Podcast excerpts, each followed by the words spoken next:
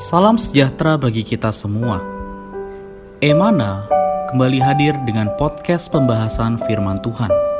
Semoga firman Tuhan yang murni mampu merawat batin kita, menguatkan roh kita, dan membangun iman kita di hadapannya.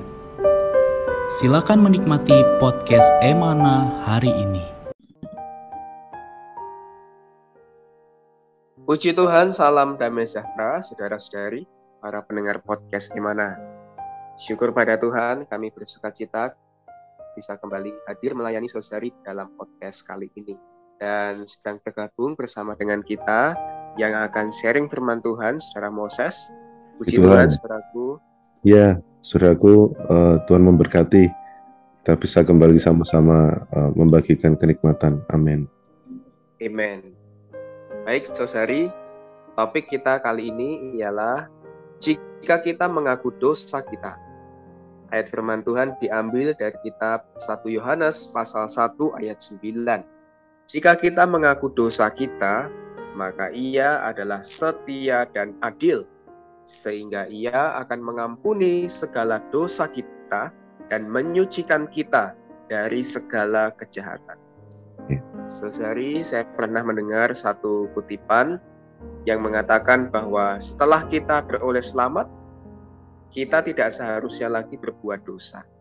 Nah, lantas, kalau mendengar kutipan ini, timbul pertanyaan, lalu bagaimana jika kita sebagai orang Kristen pada akhirnya melakukan dosa lagi atau berbuat dosa lagi?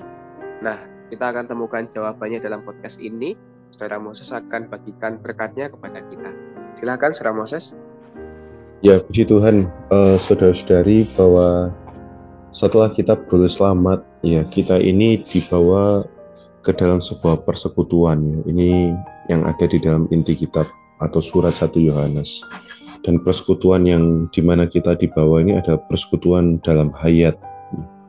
Nah, persekutuan dalam hayat ini ada persekutuan kita dengan Allah. Uh, seiring kita sering bersekutu, hayat itu akan terus bertambah jadi Allah sang hayat, Allah sang hidup itu uh, ingin memberikan dirinya tersalur ke dalam kita. Ini hal yang harus kita sadari sebagai orang Kristen. Ya, dia bukan Allah yang di luar kita, tapi sejak kita bersama, dia ingin selantiasa ada di dalam kita dan kadarnya di dalam kita itu bertambah. Nah, ini harus harus kita sadari. Yang kedua, karena Allah kita itu juga adalah terang, maka seiring hayat bertambah, terang juga bertambah. Nah, saudara-saudari, terangnya Allah ini bukan terang yang uh, membunuh ya, seperti di perjanjian lama. Eh, puji, puji Tuhan, karena Allah kita telah berinkarnasi, ya terang ini menjadi terang yang menyoroti dan uh, menyingkapkan.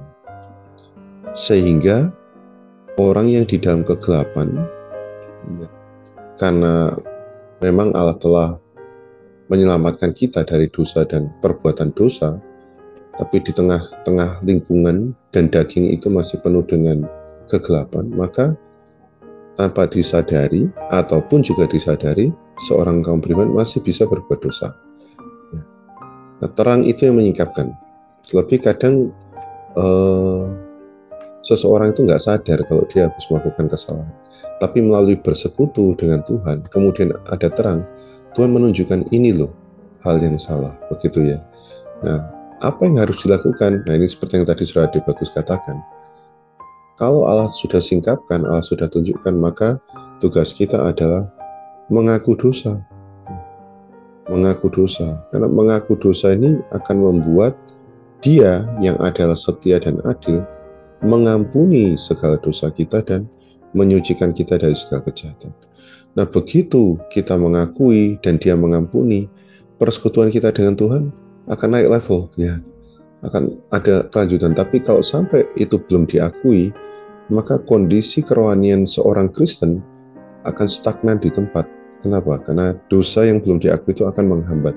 Nah itu penting sekali bagi seorang Kristen untuk bisa belajar satu pelajaran yang sangat penting dalam pertumbuhan rohaninya yaitu mengaku dosa. Amin. Iya, Sosari, ada dua poin tadi ya yang juga saya tangkap yang pertama persekutuan, yang kedua terang. Jadi kita perlu sadar bahwa begitu kita beroleh selamat, ternyata Allah membawa kita ke dalam persekutuan hayat di antara kita dengan Tuhan. Yang kedua, Tuhan juga adalah terang sesari ya. Puji Tuhan, kapan kala kita mengalami persekutuan dengan Tuhan, mungkin sering kali kita melakukan kesalahan yang tanpa kita sadari atau sadari. Nah, di sana Tuhan sebagai terang akan bekerja. Itu ya, Saudara Moses ya. Betul, amin. Kemudian kita akan diterangi akan kesalahan kita itu. Dan begitu situasi itu muncul dan kita alami, maka kita perlu belajar untuk mengaku dosa Tuhan. Amin. Sehingga persekutuan kita tadi dibawa naik kepada satu level demi satu level ke tingkat yang lebih tinggi. Nah, Saudari, saya juga ingat satu ayat yang sangat baik ya di dalam kitab Amsal pasal 28 ayat 13 yang mengatakan siapa menyembunyikan pelanggarannya tidak akan beruntung tetapi siapa mengakuinya dan meninggalkannya akan disayang. Amin. Kadangkala saudari dalam pengalaman saya pun ya ketika bersekutu dengan Tuhan dan terang itu datang dan saya diterangi akan satu kesalahan atau dosa yang saya lakukan. Kadangkala untuk mengakuinya itu uh, ini surah Moses bahasa kerennya itu apa ya? Uh, jaim. Jadi Iya, betul. ya tidak tidak berani mengakui di depan Tuhan. Karena kadangkala uh, ya ah bukan ya memang kadang yang diterangi itu bukan bukan hanya dosa ya tapi surah Moses ya tapi Iya. satu hal yang kita anggap itu baik tapi sebetulnya itu menghambat persekutuan Amin. Nah itu kan juga harus di, dibereskan ya dengan Tuhan ya sehingga tadi dibilang pertumbuhan hati kita itu tidak, ada sekatan, tidak ada hambatan. Nah, Besari ke, mungkin juga punya pengalaman yang sedemikian ya. Tapi Amin. ini mengatakan bahwa jika seseorang menyembunyikan pelanggarannya maka dia nggak akan beruntung. Tapi jika ia mengakuinya dan meninggalkannya, ia akan disayang. Amin. Tuhan Sesari. Ya ini menarik ya betul apa yang disampaikan Saudara Ade bagus barusan eh, di dalam Amsal itu betul ya kalau makin kita sembunyikan eh, dan tidak mengakuinya maka kasih kita terhadap Tuhan itu juga makin lama akan makin hambar. Kenapa? Karena iblis akan terus-menerus mendakwa. Saudara-saudari kita harus sadar bahwa uh, di dunia ini ada satu musuh kita bersama yaitu iblis yang di dalam Wahyu pasal 12 terus-menerus mendakwa kita siang dan malam. Sehingga kita terus merasa dihakimi terus akhirnya oh aku jadi orang Kristen kok? Ya sama saja ya seperti kehidupanku sebelum percaya. Dan akhirnya iman kita menjadi kandas. Ini yang terjadi pada kebanyakan orang. Nah saudari kita harus benar-benar paham dengan situasi ini ya. Karena itu Rasul Yohanes yang sudah lanjut usia ini ya menulis surat ini untuk mengingatkan kembali ke persekutuan. Ya, kita bisa bertahan sebagai orang Kristen kembali kepada persekutuan. Amin. Nah, bagaimana supaya persekutuan ini pulih? Akui dosa. Dan satu Yohanes 1 ayat 9 ini kaya sekali karena dikatakan kalau kita mengaku dosa kita, ya dia akan mengampuni dan menyucikan. Apa ini maksudnya menyucikan ya? Menyucikan ini artinya ke keinginan kita ya.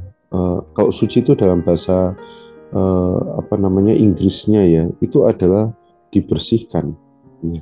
Dan dia punya makna adalah untuk di purify, dimurnikan ya. Di bahasa Yunani itu ada kata rizo ya, dimurnikan. Artinya dari kondisi yang awalnya suka berbuat dosa, tapi karena disucikan, dimurnikan, disisihkan lama-lama jadi mulai nggak ada selera terhadap dosa itu. Jadi saudara-saudari, kalau kita berbuat dosa, akui saja. Karena selain dia akan mengampuni kita, tapi dia akan membuat selera kita terhadap apa yang dosa tadi itu menjadi makin lama makin berkurang. Sampai akhirnya kita sama sekali nggak ada selera untuk melakukan itu. Tapi itu nggak bisa terjadi kalau kita tidak mengaku dosa kita. Karena itu betapa pentingnya perkara mengaku. Jadi bukan berarti oh kalau gitu aku bebas berbuat dosa terus aku akui saja bukan. Mengaku dosa dengan pertobatan ya, aku mengakui dengan begitu real ya sungguh-sungguh maka Tuhan akan memberikan dirinya ke dalam kita dan kadar untuk ingin melakukan dosa itu makin berkurang. Nah, karena itu ayat ini begitu dalam ya. Diampuni dan disucikan. Puji Tuhan. Ya, puji Tuhan ya, saudari ya. Allah kita adalah setia dan adil. Karena Allah kita setia dan adil, maka ia tak dapat tidak mengampuni dosa kita, dan ia tak dapat tidak menyucikan kita dari segala kejahatan Ya, kuncinya, mari kita membangun persekutuan yang intim dengan Tuhan. Amen. Kita menikmati persekutuan yang intim, pasti terang Tuhan itu selalu akan menyoroti kita. Kapan kala terang itu menyoroti kita, ada sesuatu yang perlu kita bereskan, entah, entah itu dosa, entah itu kesalahan, ataupun uh, ambisi alamiah kita, sesuatu yang menghambat pertumbuhan hayat kita, mari segera kita bereskan di depan Amin. Tuhan. Kita akui di depan Tuhan, maka ia akan mengampuni dan menyucikan, memurnikan kita kembali dari segala kejahatan, dari segala dosa. Amin. Puji Tuhan. Amen. Ya, mari kita berdoa. Allah kita ada Allah yang setia dan adil, ya. Kesetiaannya dan keadilannya membuat mau tidak mau Dia mengampuni kita. Ini yang luar biasa, ya. Jadi memang Dia ada Allah yang penuh kasih, uh, tapi kasih itu kadang tidak cukup ya untuk uh, menang atas tuntutan hukum, tetapi karena Dia adil, ya, dan keadilannya menyatakan apabila kita mengaku darahnya itu akan mengampuni dan menyucikan kita ya.